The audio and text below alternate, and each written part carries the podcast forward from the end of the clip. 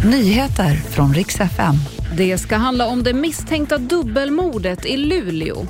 Och så är kungen tillbaka efter hjärtoperationen och fortsätter sin Sverige-turné.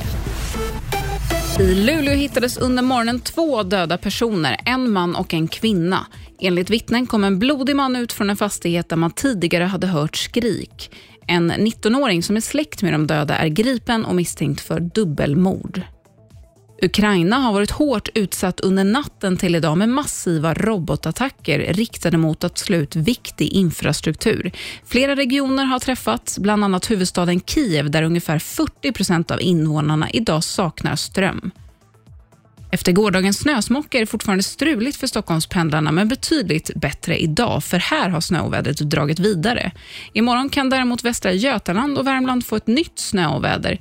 Inte lika illa som igår, men räkna med cirka 20 cm snö på några timmar.